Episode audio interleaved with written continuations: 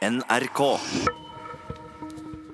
Du hører på Radiodok, og nå er jeg ekstra glad fordi vi kan by på en klassiker. En av de beste radiodokumentarene NRK har laget, og som ikke har vært tilgjengelig på mange år pga. manglende rettigheter. Men endelig, her er 'Korser og koteletter'. En fortelling om to jødiske søstre av Rune Bjåstad. Vi lever jo begge to, men vi har jo aldri noe så å si kontakt. Jeg ringer jo av og til med henne, da. Og da har jeg så mye ergrelser, alt det tullet hun sier, at jeg har vondt i huet 14 dager etterpå. Og Derfor så gidder ikke jeg å ha noe kontakt med henne. Men tenk om jeg kunne gått til hverandre til middag og sånn. Vi er jo bare oss to som er igjen. Etter så mange som ni søsken.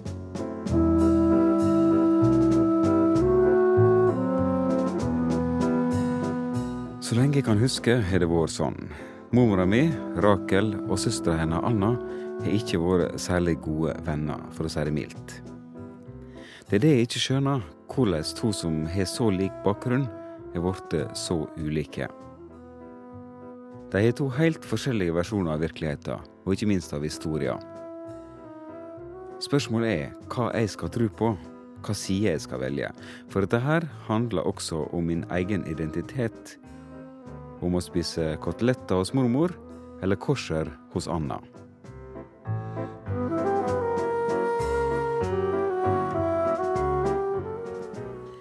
Jeg står ved mitt. Jeg er født jøde. Jeg blir jøde og dør som jøde. Men det gjør ikke hun. Din mormor har aldri brydd seg om det. Aldri. I hele hennes historie så liksom religion det har liksom ikke vært noe. Det har ikke vært noe for henne, det. Ja, det er eh, hender om det, som jeg sier. Men det at hun kommer og forteller meg, og det gjør meg veldig vondt, at hun er sinna på pappa.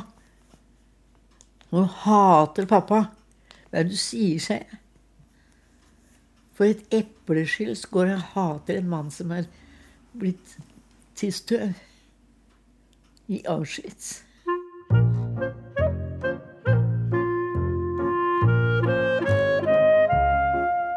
Jeg ga fort opp og får dem til å møtes for å snakke sammen. Helt i starten gjorde jeg faktisk opptak med den ene, uten å fortelle at jeg allerede hadde vært hos søstera, før jeg samla mot til meg og la korta på bordet. Og det ble godkjent, altså. Men som regel er den ene alltid negativ til noe, hvis den andre er positiv.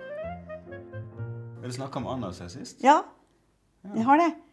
Ikke nevnte at du hadde vært der. Ikke spurte hvordan det sto til med meg. Ikke spurte om jeg hadde vært på Hareid. Ikke spurte hvordan det var med Leiv. Ikke spurte hvordan det var med Signe. Og nevnte ikke at du hadde vært der, og ikke noe opptak. Ikke noen tingen. Og mormor har døpt sine to barn i kirka, medan hun Anna har holdt den jødiske tradisjonen i hevd. De er uenige om det aller meste. Så hva jeg skal tro på, er ikke så lett å vite. Skal tro om faren var slik som hun Anna skildra han.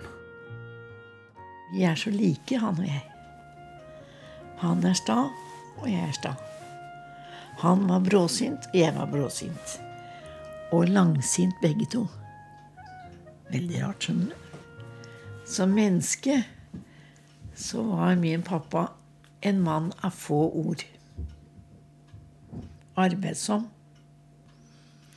Snill. Veldig snill. Og veldig streng. streng. Da var han oppe klokka halv seks om morgenen. Ba sin morgenbønn. Satt over tekjelen og var ferdig med det. Og så vekket alle barna som skulle på skolen. Og så var lagd matpakke til samtlige barn. Pappa sier, 'Hvorfor får mamma lov å sove til klokka ni når du er så tidlig oppe?'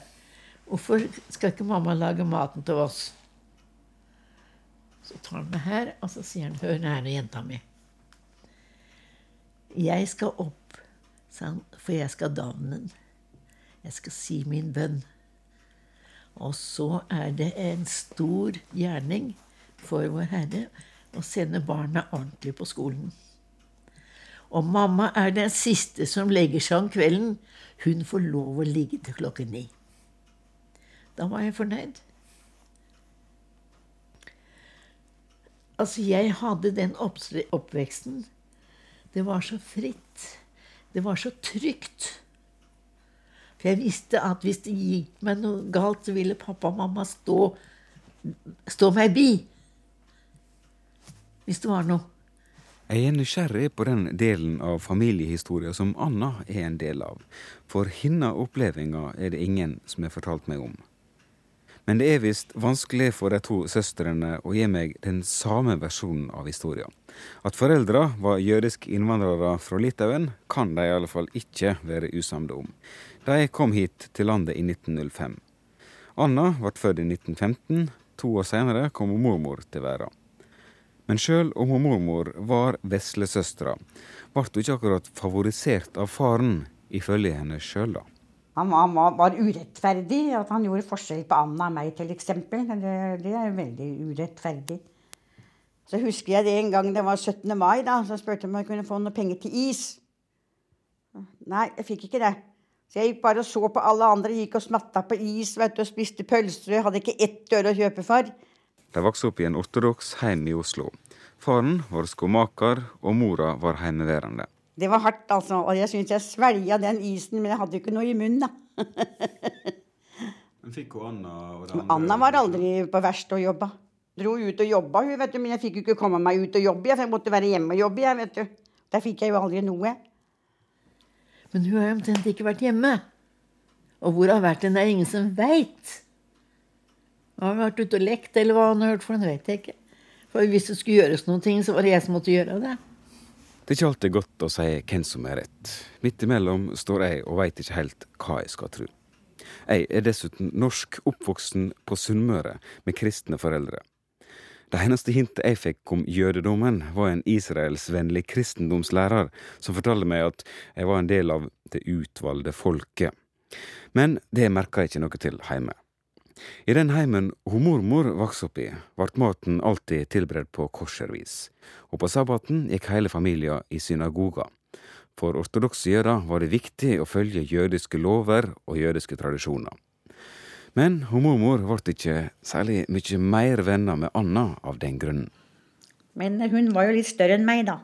Og litt finere enn meg. og Alt skulle være så fint med henne. Hun skulle være moderne alt mulig. Hvis det var noe som ikke hun likte, så kunne hun tulla for det. For hun er jo ikke noen steder, hun. Den setningen der har jeg hørt noen ganger. tulla, det var du? Det var meg. Blitt kalt for tulla i alle år, jeg.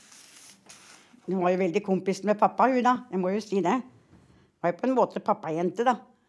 Jeg har liksom aldri vært så veldig kompis med i alle år, da. Jeg må si at av og til har jeg følt meg som det sorte får. Jeg har det.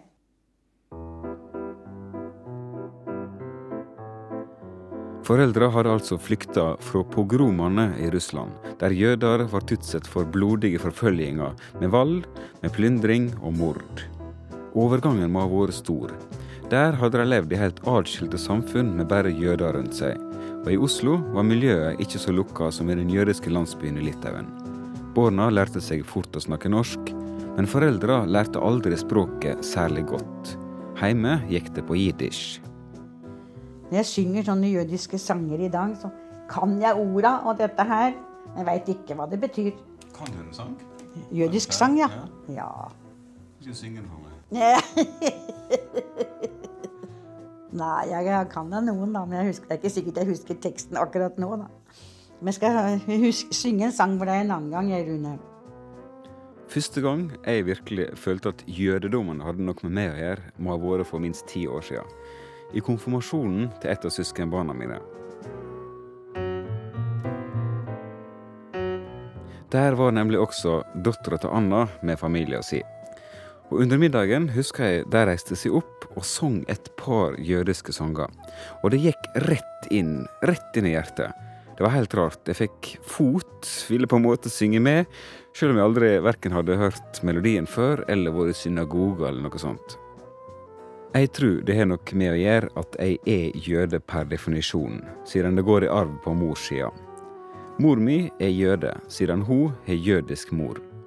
Sjøl om mormor har glemt mesteparten av det jiddische hun lærte av foreldra. Anna har derimot greid å holde språket ved like.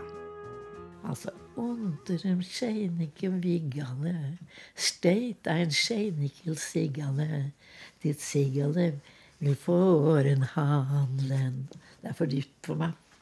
Det sigale vil få åren handlen. Et svingen råsikes mitt mandlen, og indråsikes mitt mandlen i steier, seire.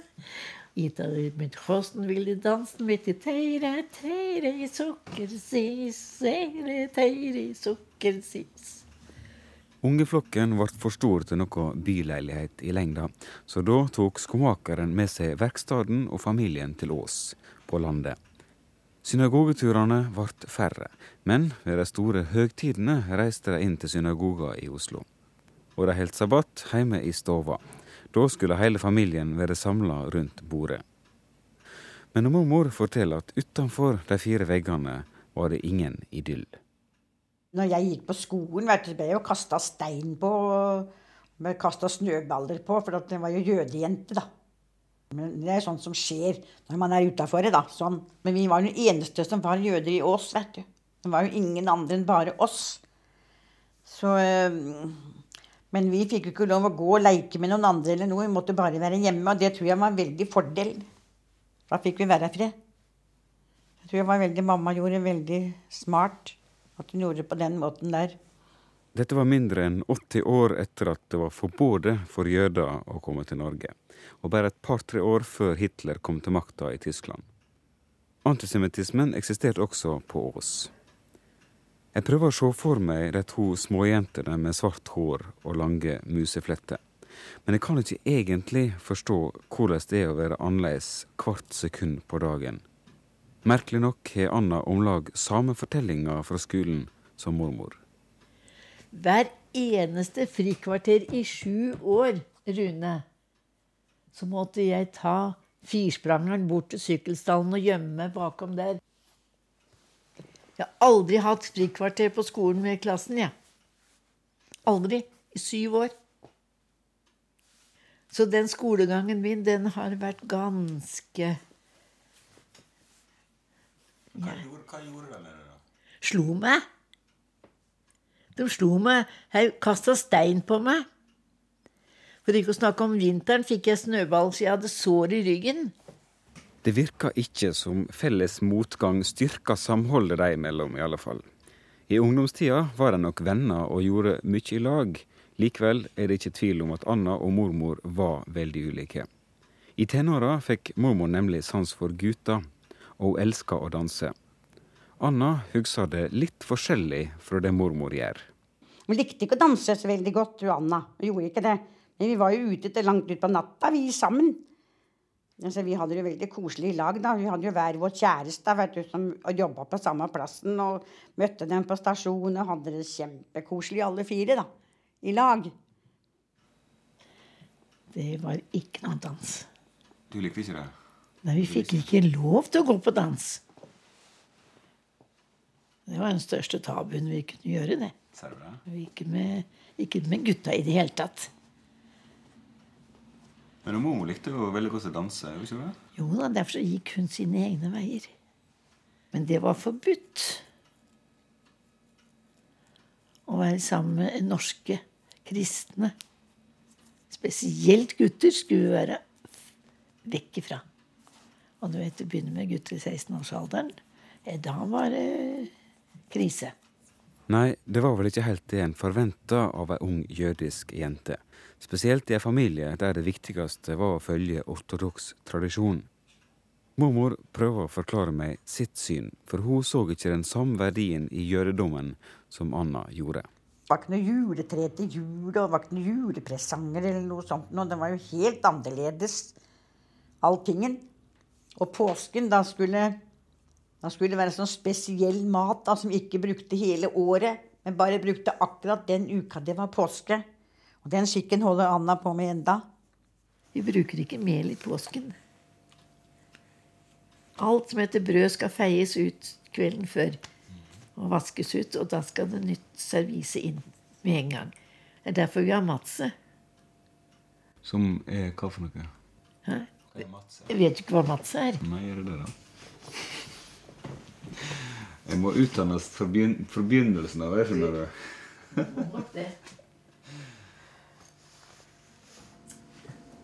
Her er er litt igjen ifra i, i år. Er det laga av rismel? Nei. Mel og vann.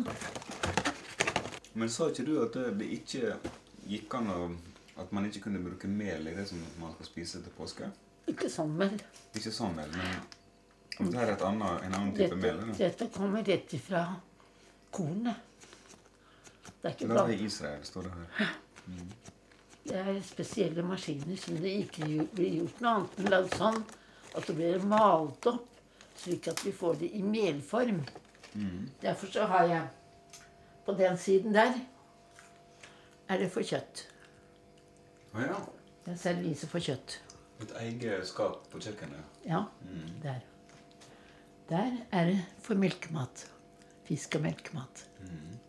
Og på toppen der er det for påske.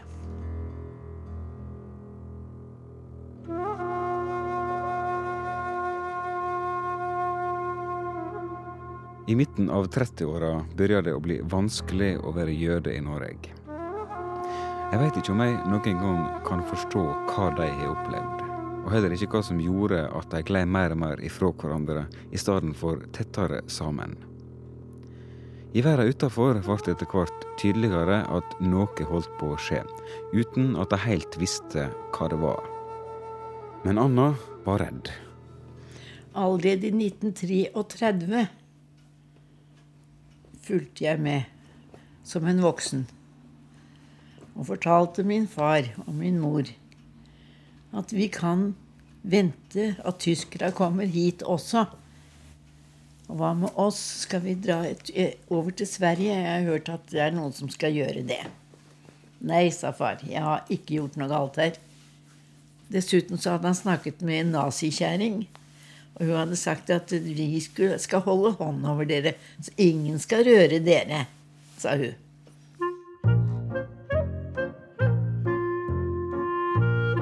Jeg har vært i synagoga her i Oslo flere ganger.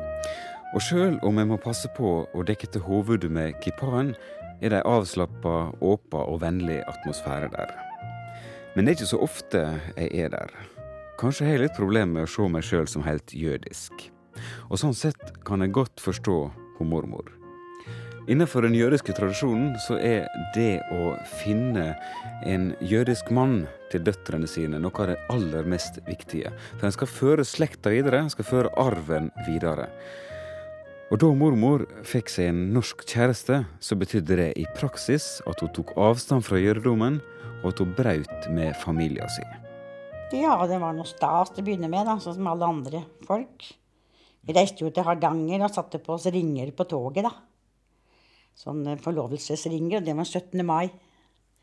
I 19... Var det 38, tror jeg. Men det hadde ikke du fortalt hjemme at dere reiste til Hardanger? Nei, jeg måtte jo si at jeg skulle reise sammen med en venninne, da. Jeg gjorde det. Å nei, det gikk jo ikke an. Og ringen turte jeg aldri bruke hjemme. Den måtte jeg ha i veska mi, den, så ikke der som ingen var. Ingen som visste at vi var forlova i det hele tatt. Men når flytter du for alvor hjemmefra? da? Ja, det er da vi gifta oss, da, 1940. 5. oktober var det. Og der eh, rømte jeg hjemmefra, da. Om natta på sykkel før vi skulle gifte oss. Og så hadde jeg alle sakene mine hos naboen. Så jeg kom og henta sakene mine om kvelden etter det var mørkt. Og fikk frakta det dit bort. Jeg hadde rett og slett rømt hjemmefra. Så skulle jeg fortelle det at jeg skulle gifte meg, så jeg veit ikke åssen det hadde skjedd. Ja. Om jeg hadde sittet her nå. Og mormor hadde flytta hjemmefra, sjøl om det bare var noen kilometer unna. Hun hadde funnet seg en norsk mann, og for ortodokse jøder var det gale nok. Men det foreldra ikke visste, var at hun var tre måneder på vei da hun gifta seg. Nei da, det var ikke noe særlig morsomt å reise hjemmefra på den måten som jeg gjorde, altså. Den dagen jeg gifta meg. Så sa jeg det at jeg, i dag skal jeg gifte meg, mamma, sa jeg. Hun gratulerte meg ikke med dagen. Spurte ikke hvor det skulle være eller noe. Snakka ikke noe om det. Ikke gratulerte meg, og ikke sa jeg skulle ha det bra, og ikke noe, bare la på røret. Nei da, jeg, forstår henne òg. Jeg gjør det. Hvordan da? At uh, du vet, Hun ville at vi skulle være jødiske alle sammen. da. Hun var jo veldig religiøse begge to. Hun var jo det. Sånn ortodokse. Så uh, jeg forsto det på et vis, at, men var, hvordan skulle vi få tak i noen jødiske gutter da, som ikke var et eneste jødisk menneske på Åsen annet enn oss? Og vi hadde jo ikke råd til å reise til Oslo.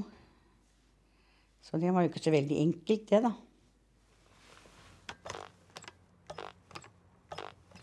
Hva var det egentlig med den gamle eplehistoria? Hallo, Men Rune, Rune. ja. får du slippe inn? Det blir etter hvert tydeligere for meg at både mormor og Anna har behov for å rettferdiggjøre de valgene de har gjort, at de gikk hver sin vei. Anna sin 85-årsdag nærmer seg, og mormor er spent på om hun blir invitert. Men det spørs. Anna og mormor har ikke truffet hverandre på årevis. For Anna brøt ikke med jødedommen, selv om også hun gifta seg norsk. Hun forteller at krigen var grunnen til hennes giftermål. Det var krig i Norge. Den som kunne klare å bytte navn, kunne muligens klare å overleve. Våre foreldre likte ikke det, så at vi giftet oss med ikke-jøder. Så det at det måtte ha gått inn på mine foreldre, legger jeg ikke skjul på. Og det er det jeg har så vondt av. Å måtte fortelle dem at vi var nødt for å gifte oss med ikke-jøder av at det var krig. For det var ikke noe kjærlighet. Og det var en iskald lørdag. Fy flate, jeg holdt på å fryse meg i hjel. Så kaldt var det den 26. desember i 1940. Ja, ja, så var det å spise middag, og så var det, så var det over. Jeg orker ikke noe mat, jeg, for jeg syns jeg hadde maten helt oppi her.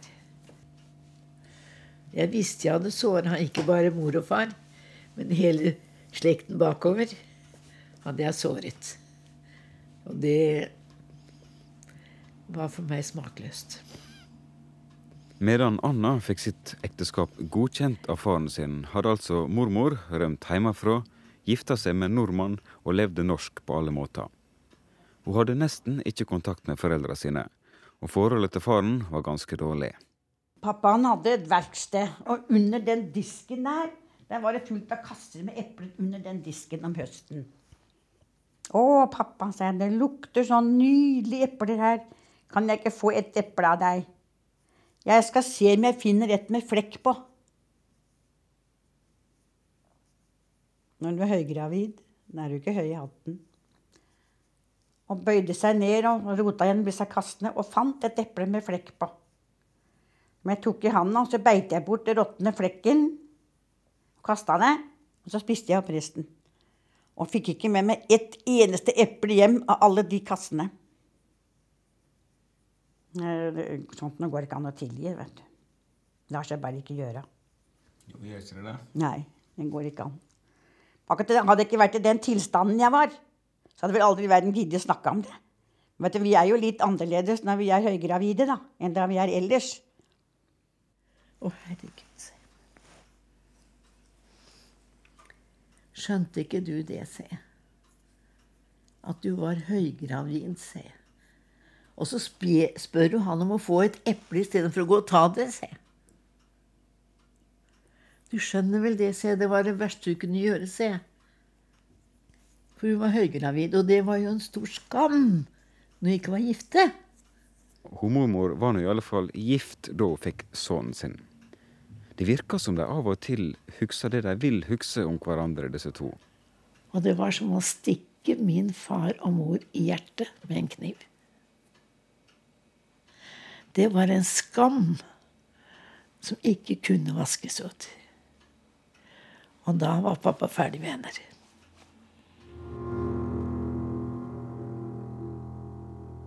Det er helt ufattelig det som skjedde høsten 1942.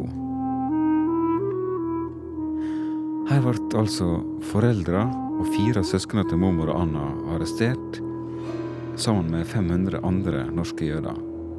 De ble ført om bord i det tyske troppetransportskipet Donau for å bli sendt til Tyskland. For jeg skulle ned på båten hvor alle mine var på. Og jeg hørte rop, og jeg hørte skrik, og jeg kom nærmere og nærmere. Og så kom disse tyske jævlene og jagde meg vekk! Vekk med deg! Jeg ble jagd ifra den båten som de sendte alle mine i. Og du skulle høre de bønnene, de sangene, som var ifra båten. Ubeskrivelig. Og mormor var ikke nede ved båten. Hun bodde sammen med sin norske mann utafor sentrum, på Bakkeløkka ved Skullerud. I slutten av oktober hadde altså de mannlige familiemedlemmene blitt arrestert. En måned seinere kom turen til kvinnene. Det var jo så vanskelig den tiden at alt lå jo, allting lå i lufta.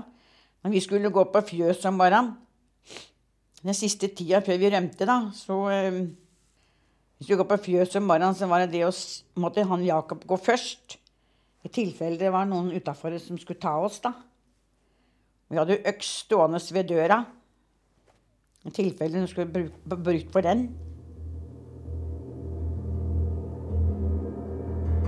Det var da hun mormor og han morfar bestemte seg for at de måtte flykte. Anna flykta også til Sverige sammen med mannen sin Otto i slutten av desember. Det verste, tror jeg, for noen mormor i alle fall, var at hun måtte la sønnen være igjen. Hun var ett og et halvt år gammel, og hun torde ikke å la han bli med. De skulle gå flere døgn til fots midt på vinteren. Vi reiste herifra 17. desember. Det var i 42.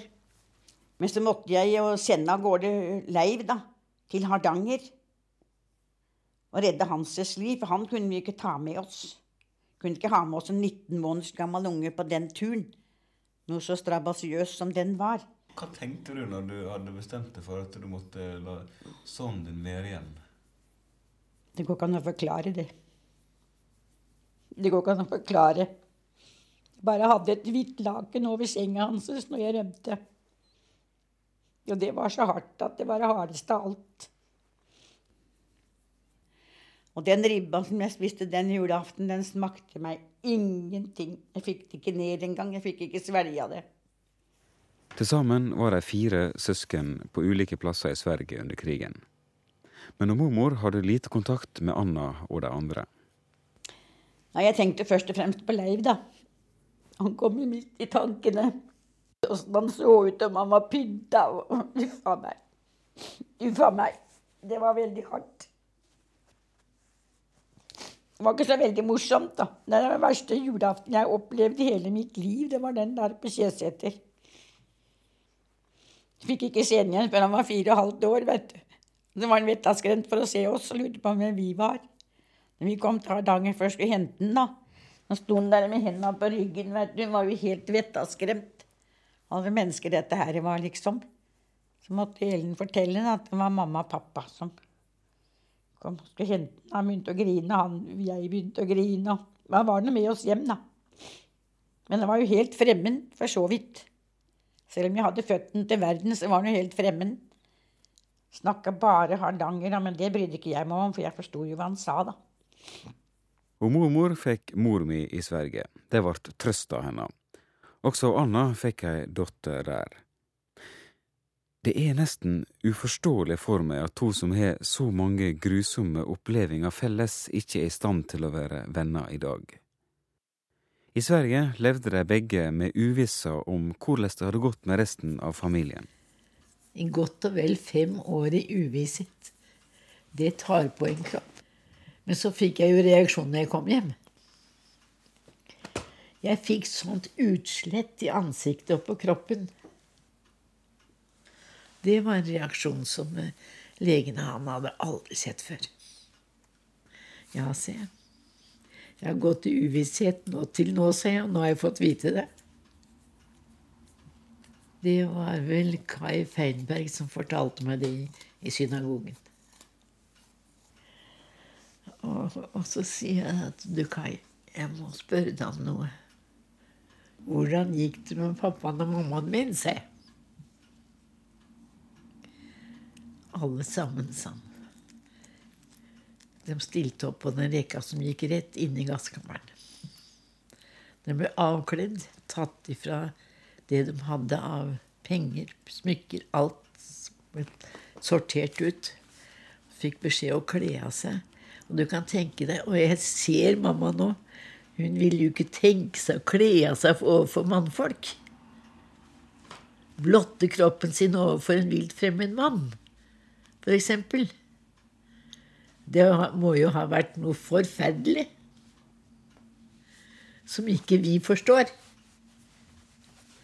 Men han fortalte at han sa sånn, jeg kan si det til deg, for jeg kjenner deg jo så godt.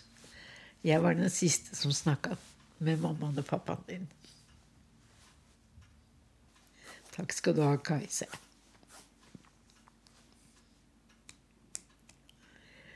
Og det ga det utslaget i, i hodet mitt. Og Over hele kroppen, faktisk. Men det vet ikke din mormor om. Ikke vil hun vite det heller. Så det er ikke det at vi har gått våre veier, hver vår vei. Det er nesten feil å si det. Men hun har ikke hatt, hun har ikke hatt de følelsene som jeg har. Vi er to forskjellige mennesker. Hvordan jeg følte det? Det er så langt inni en, langt inni hjerterota. Miste seks stykker på den måten der, da. Det er helt utrolig. Det var det.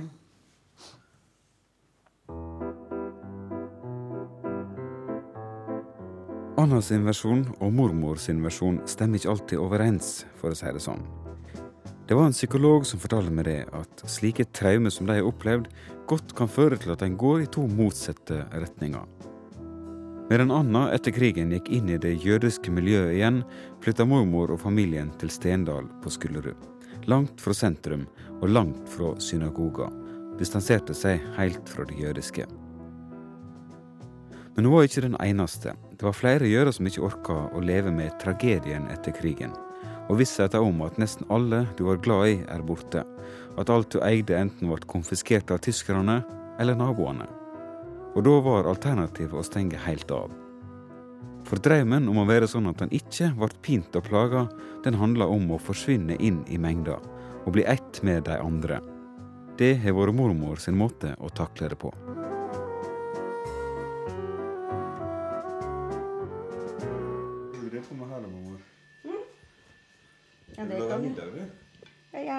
Middag, ja. Han vil ikke være med. Og mormor bor alene på Lambertseter, i den treroms blokkleilighet hun flytta inn i som morfaren min og mora mi og onkelen min i 1955. Sånn. Da tror jeg alt er ferdig. Det her ser jo kjempelekkert ut. Ja, det gjør det. Håper det smaker, da. Men det gikk bare ti år før de ble skilde. Hvordan får du kotelettene så møre? Koker dem etterpå. Steker dem først og koker dem etterpå. De siste 30 åra har mormor hatt en venn, en kjæreste, som heter Olav. Jeg må fortelle om hva jeg opplevde søndagen. jeg. Vi var i kirken, vi. På Lambertseter. Olav og jeg. Han, Kjell Magne Bondevik han skulle ha preken i Lambertseter kirke. Statsministeren? Å, Så ble det opprop at det skulle være kirkekaffe etterpå i kirkestuen. Den stuen har jeg aldri satt mine bein. Det var første gangen om søndagen. Så vi hadde drukket kaffe og gjort oss ferdig med det, så gikk jeg rett bort til Bondevik, og så hilste jeg på han. Så kom Olav etterpå, og så var jeg litt spent på hva han skulle si, da, selvfølgelig. Jeg tenkte jo på en viss ting, jeg, da. Hva for en ting var det du tenkte på? At nye utlendinger Oh, ja. måtte ikke ha sånne inn her. Jeg var litt redd for det, da. Nei da, men heldigvis, det var ikke nevnt i hele tatt, det, da. ja. Olav har ganske sterke meninger om Ja innvandrere. Ja da, men han har nok noe rett for det at nå var Hagen i TV-en i går. Fordi at nå har hun fått sånne greier i Oslo. Jeg har ikke visst det, jeg. Og det bråker jo så halve Oslo hører det, vet du, når de skal ha bønner og sånn. Så sitter Hagen. Bruker hendene, vet du. Og masse som han gjør. Og så sier han ja, dere kommer hit til Norge, så må det gå etter våre prinsipper. Og ikke dere skal komme hit og, og, og bestemme over oss.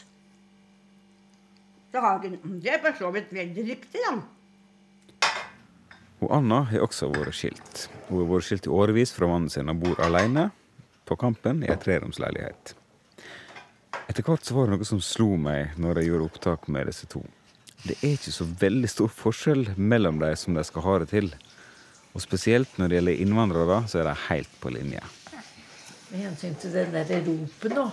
Nå er det jo voldsomt med det der eh, høyttaleranlegget de skal ha til For å snakke om han Allah, han er dauert, han. Han må da være det. Minst det. For en bønn For en bønn skal sies i stillhet, den. Er 9000 stykker som er kommet i 1999. Men jeg syns det er så rart det, at, at du som har opplevd krigen og har vært flyktning sjøl og måtte flykte til Sverige og alt mulig, at du eh, er så kritisk til flyktninger som kommer til Norge. Ja, men Det er fordi at vi la ikke Sverige til byrde, vi, vet du. Her koster det oss altfor mye. De er jo faktisk en del av innvandrerkulturen her i landet, da, begge to. Som andre generasjons innvandrere. Anna er den eneste som holder ved like de skikkene foreldrene tok med seg fra Litauen. Men mormor er også en del av det, om hun vil eller ikke. Noen ganger lurer jeg på om det rett og slett er viktig for dem å være uenig. For hvis den ene sier at den andre har rett, sier hun samtidig at hun sjøl har feil. Og det går jo ikke. I krysselden mellom dem står jeg. Er du aldri savna å ha kontakt med henne? Aldri. Fordi at hun har gjort foreldrene mine så mye vondt. Og altså, jeg står mer på den siden. Vi er i slutten av februar, og det nærmer seg bursdagen til Anna 7. mars. Men noen invitasjon har hun mormor ikke fått. Nei, jeg har ikke vært der på flere år, jeg. Jeg er ikke invitert i det hele tatt. Jeg bruker som regel å ringe, da. Gratulerer med dagen, men ber meg ikke å komme. Hun har gjort skam på meg. Og når han uh, Melchior eh, tok meg i handa, så sa jeg det at jeg er søsteren til Anna Bil, sa jeg. Å, har hun en søster? Har, har, har hun en søster? sier Melsjord. Anna har ikke snakka et ord av meg, jo, til noen. Jeg er ikke verdt noe. Det er ikke noe å snakke om. Det er liksom bare jeg som er søstera, jeg som er ditt, og jeg som er datt. Det går ikke an når det er to igjen, da. Man finner seg i allting, vet du. Jeg må han det? Ja, jeg må det. Må man finne seg i alt? Ja, jeg tror man må det. Jeg har funnet ut at det der er liksom fred på jord. Hvis man finner seg i alt og ikke sier noe, så er det fred på jord. og det er herlig. Jeg skal litt i morgen, tror jeg. Skal du i morgen, ja? Ja, ja. ja, ja. ja Skal jeg jeg hilse, deg, eller? Ja, du får gjøre det. Du får hilse så mye. Veit du om at du er her, eller? Ja, ja. Nå veit det, ja. ja da. Tenk å ikke si en lyd, du. Det er veldig rart. Du får hilse henne Men masse. har du fortalt henne noe, da? Hæ? Har du fortalt henne? Nei. Nei, dere er jo like, da. Ja, jeg fortalte ikke en lyd, jeg heller. Så du skal dit i morgen? Ja, ja, du får hilse henne så masse. Det må du gjøre. Får du kaffe der, da? Ja. Ja. Jeg fikk middag der en gang, til og med. Nei, du verden, du verden. Fikk fisk. da. Ja, ja hun spiser mye fisk. Mye gjør det. Får ikke koteletter der, altså.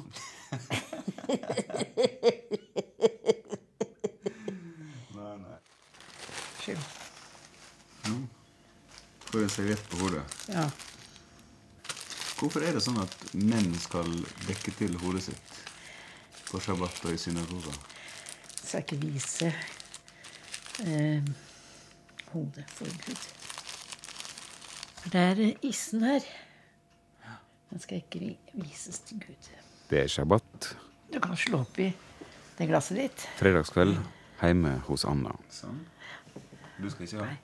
Det er for- Forbudt for gamle kjerringer.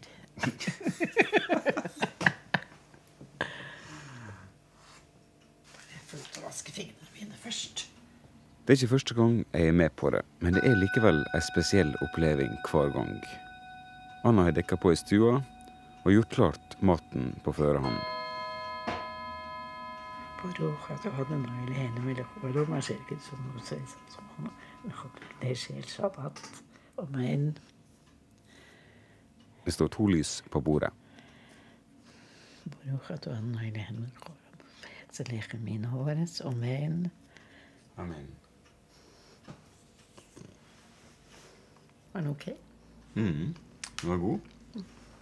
Søt.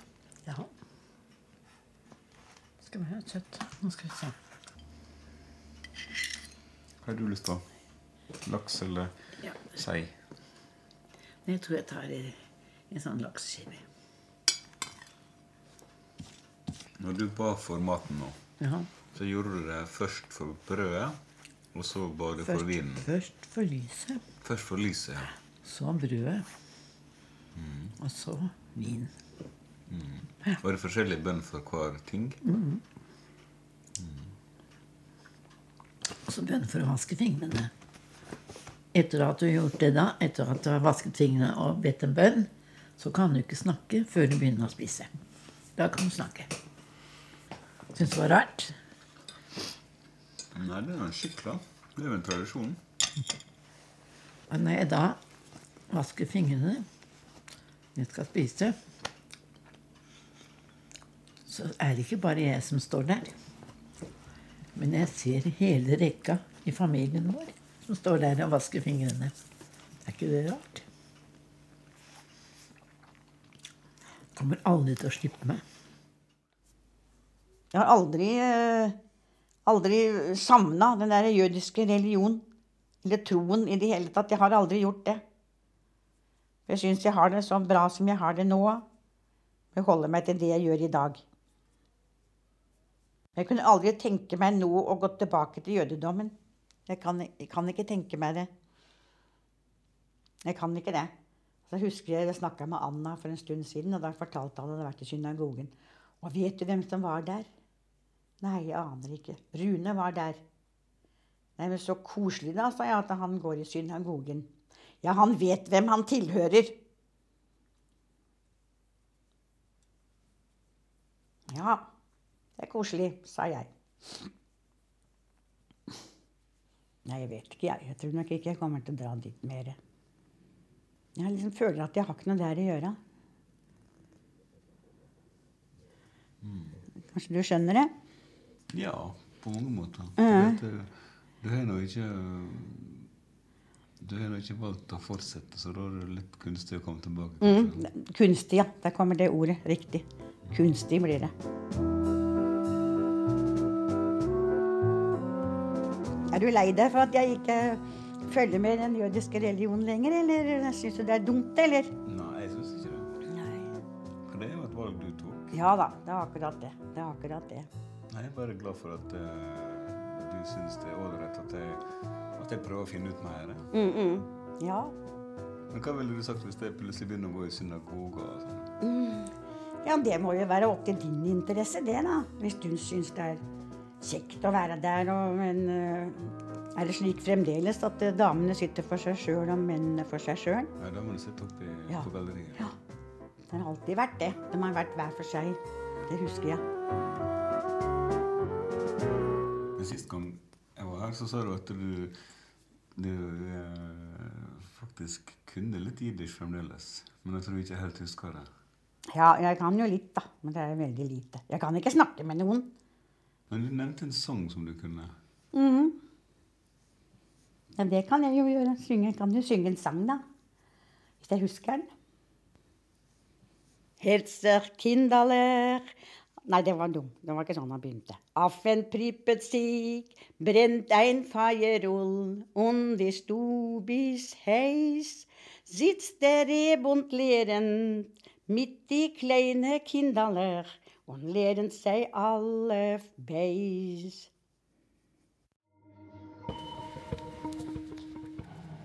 Dokumentaren 'Korser og koteletter' var laget av Rune Bjåstad. Teknisk regi var ved Eli Kyrkjebø, og konsulent var Gyrid Listuen. Programmet ble første gang sendt i år 2000, og hovedpersonene Anna og Rakel er dessverre ikke lenger i live. Har du reaksjoner eller synspunkt, så svarer vi personlig på alle e-poster som du sender til radiodukk at nrk.no. NRK.